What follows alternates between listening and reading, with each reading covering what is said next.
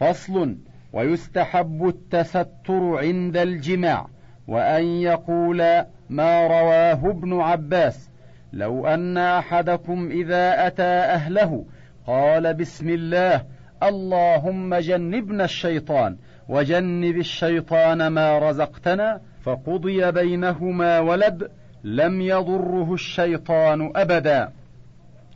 فصل وإن خافت المرأة من زوجها نشوزا أو إعراضا فلا بأس أن تسترضيه بإسقاط بعض حقوقها كما فعلت سودة حين خافت أن يطلقها رسول الله صلى الله عليه وسلم. وإن خاف الرجل نشوز امرأته وعظها فإن أظهرت نشوزا هجرها في المضجع فإن لم يردعها ذلك فله أن يضربها ضربا غير مبرح.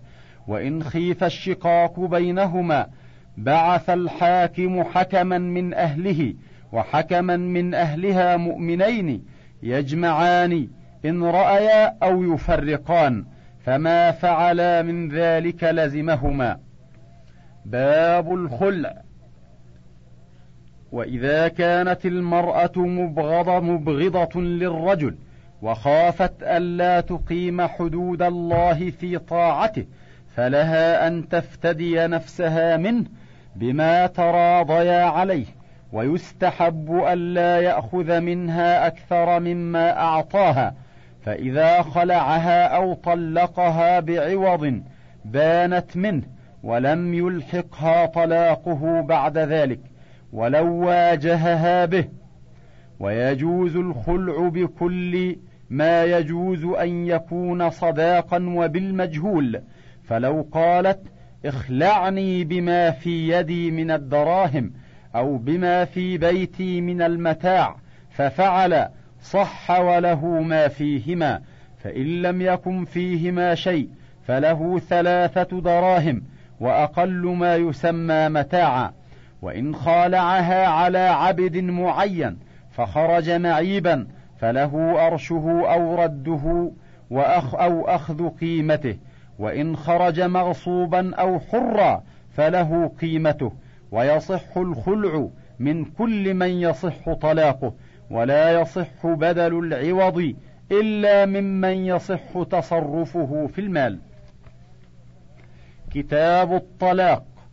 ولا يصح الطلاق إلا من زوج مكلف مختار ولا يصح طلاق المكره ولا زائل العقل ولا السكران ويملك الحر ثلاث تطليقات والعبد اثنتين سواء كان تحته فمتى استوفى عدد فمتى استوفى عدد طلاقه لم تحل له حتى تنكح زوجا غيره نكاحا صحيحا ويطأها لقول رسول الله صلى الله عليه وسلم لامرأة رفاعة لعلك تريدين أن ترجعي إلى رفاعة.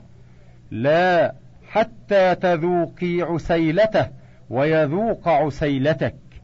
ولا يحل جمع الثلاث ولا طلاق المدخول بها في حيضتها أو في طهر أصابها فيه لما روى ابن عمر أنه طلق امرأته وهي حائض. فذكر ذلك عمر لرسول الله صلى الله عليه وسلم فقال مره فليراجعها ثم يمسكها حتى تطهر ثم تحيض ثم تطهر. فإن بدا له أن يطلقها فليطلقها قبل أن, يمس أن يمسها. والسنة في الطلاق أن يطلقها في طهر لم يصبها فيه واحدة ثم يدعها حتى تنقضي عدتها. فمتى قال لها أنت طالق للسنة وهي في طهر لم يصبها فيه طلقت. وإن قالت وإن كانت في طهر أصابها فيه أو حيض لم تطلق حتى تطهر من حيضتها وإن قال لها أنت طالق للبدعة وهي حائض أو في طهر أصابها فيه طلقت وإن لم تكن كذلك لم تطلق حتى يصيبها أو تحيض فأما غير المدخول بها والحامل التي تبين حملها والآيسة التي لم تحض فلا سنة لطلاقها ولا بدعة. فمتى قال لها أنت طالق للسنة وللأول البدعة؟ طلقت في الحال. باب صريح الطلاق وكنايته. صريحه لفظ الطلاق وما تصرف منه كقوله أنت طالق أو مطلقة. أو طلقتك فمتى أتى به بصريح الطلاق؟ طلقت وإن لم ينوه وما عداه مما يحتمل الطلاق فكناية لا يقع به الطلاق إلا أن ينويه. فلو قيل له ألك امرأة؟ قال لا نوى الكذب لم تطلق. فإن قال طلقتها طلقت وإن نوى الكذب.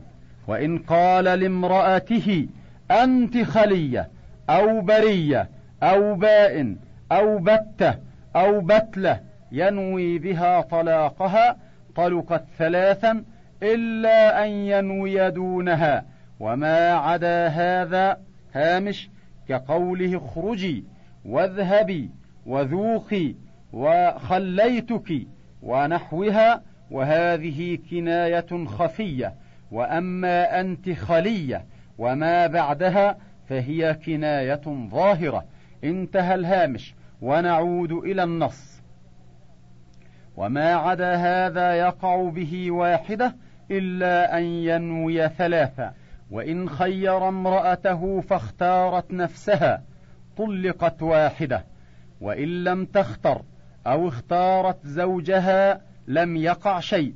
قالت عائشة قد خيرنا رسول الله صلى الله عليه وسلم فكان طلاقا وليس لها أن تختار إلا في المجلس إلا أن يجعله لها فيما بعده. وإن قال أمرك بيدك أو طلقي نفسك فهو في يدها ما لم يفسخ أو يطأ.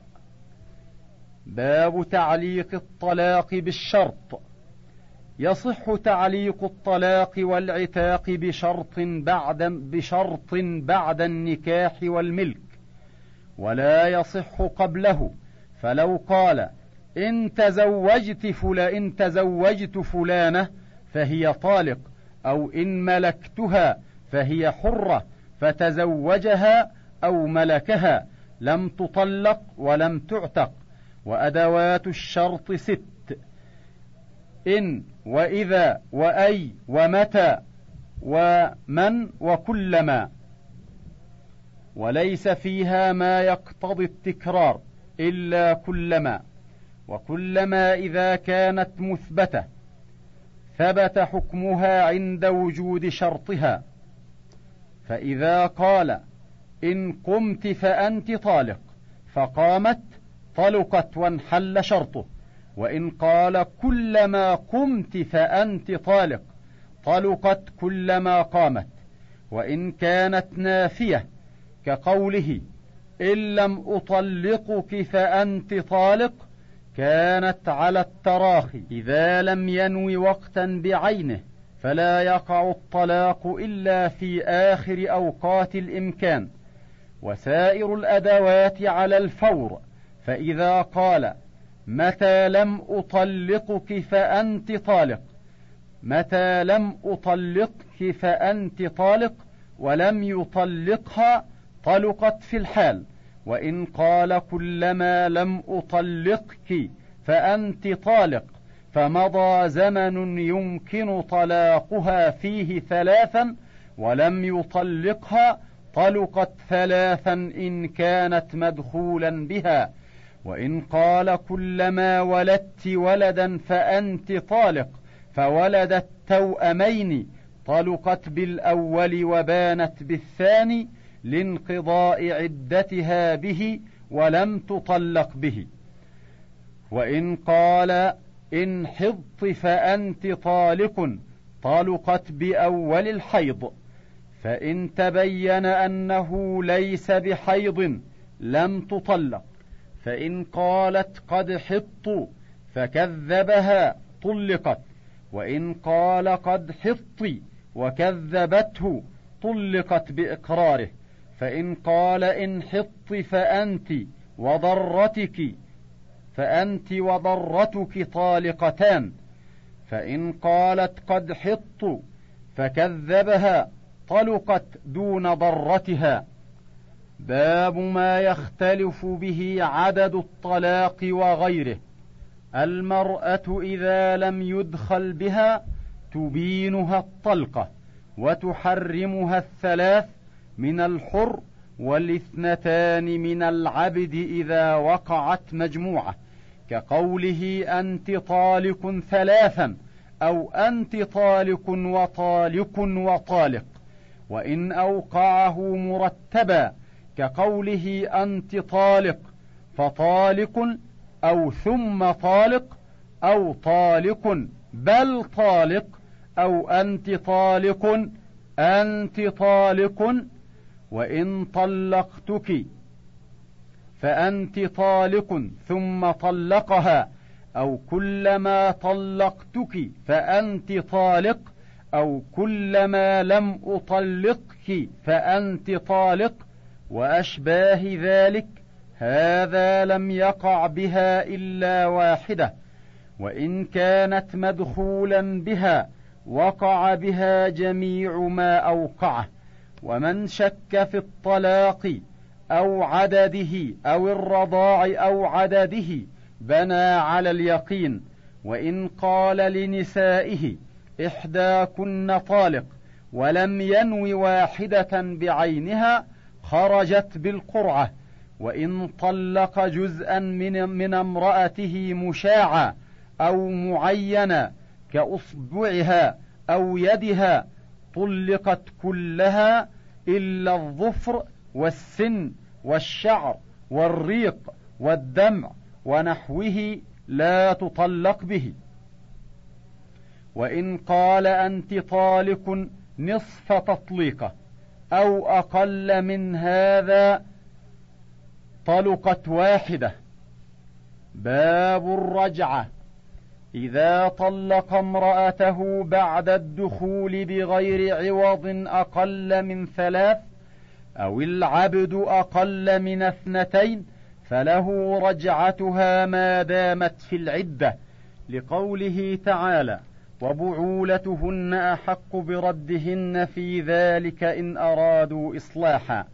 والرجعة أن يقول لرجلين من المسلمين اشهدا أنني قد راجعت زوجتي أو رددتها أو أمسكتها من غير ولي ولا صداق يزيده ولا رضائها وإن وطأها كان رجعة.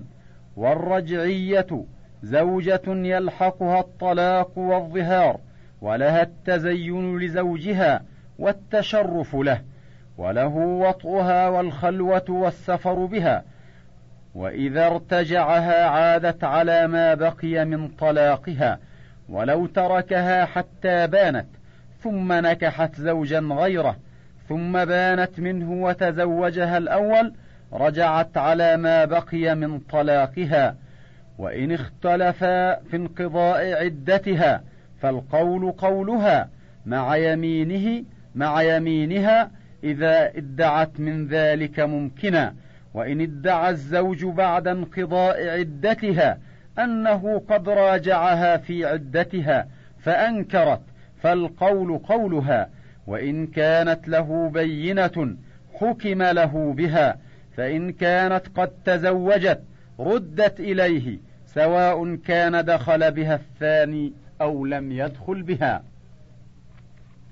باب العدة ولا عدة على من فارقها زوجها في الحياة قبل المسيس والخلوة.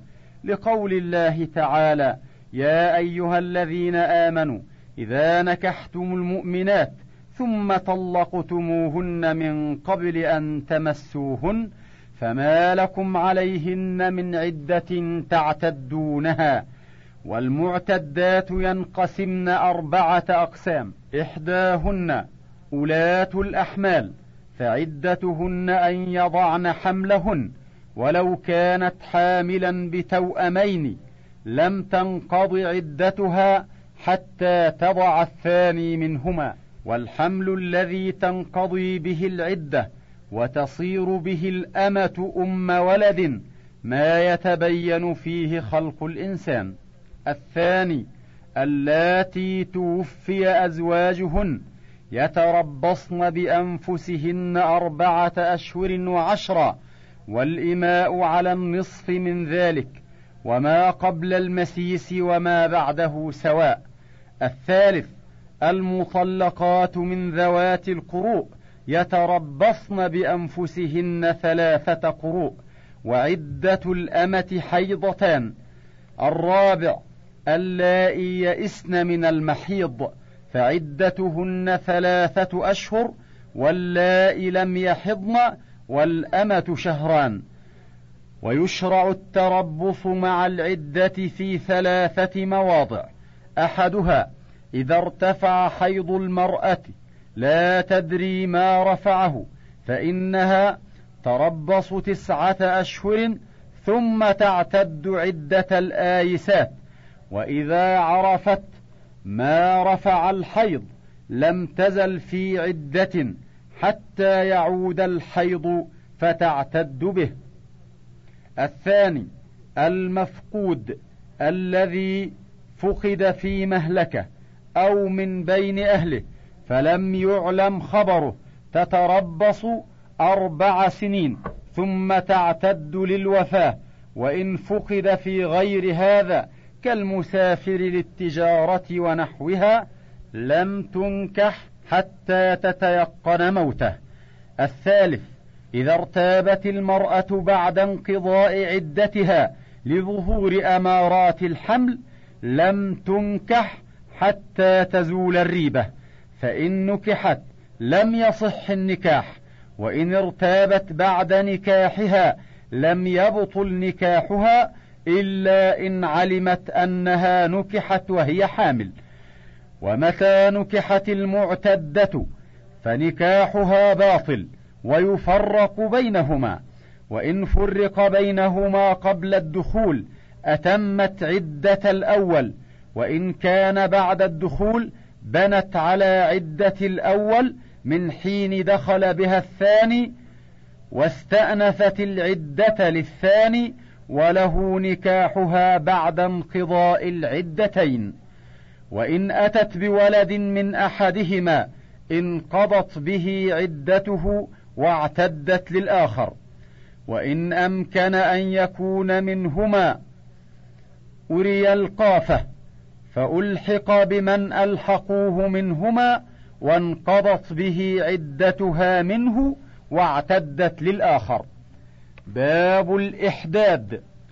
وهو واجب على من توفي عنها زوجها وهو اجتناب الزينة والطيب والكحل بالاثمد ولبس الثياب المصبوغة للتحسين لقول رسول الله صلى الله عليه وسلم لا تحد امرأة على ميت فوق ثلاث إلا على زوج أربعة أشهر وعشرا ولا تلبس ثوبا مصبوغا إلا ثوب عصب. هامش أي إلا الثوب المصبوغ بالعصب والعصب نبت باليمن تصبغ به الثياب. انتهى الهامش. ونعود إلى النص. ولا تكتحل ولا تمس طيبا إلا إذا اغتسلت نبذة من قسط أو أظفار. هامش يعني شيئا يسيرا. والقسط والأظفار نوعان من البخور. انتهى الهامش ونعود إلى النص.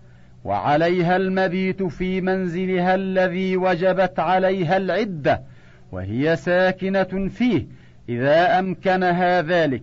فإن خرجت لسفر أو حج فتوفي زوجها وهي قريبة رجعت لتعتد في بيتها. وإن تباعدت مضت في سفرها.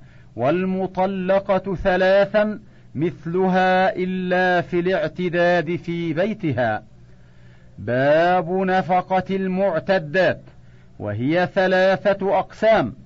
أحدها الرجعية ومن يمكن زوجها إمساكها فلها النفقة والسكنى ولو أسلم زوج الكافرة أو ارتدت امرأة المسلم فلا نفقة لهما. وإن أسلمت امرأة الكافر وارتد زوج المسلمة بعد الدخول فلها نفقة العدة.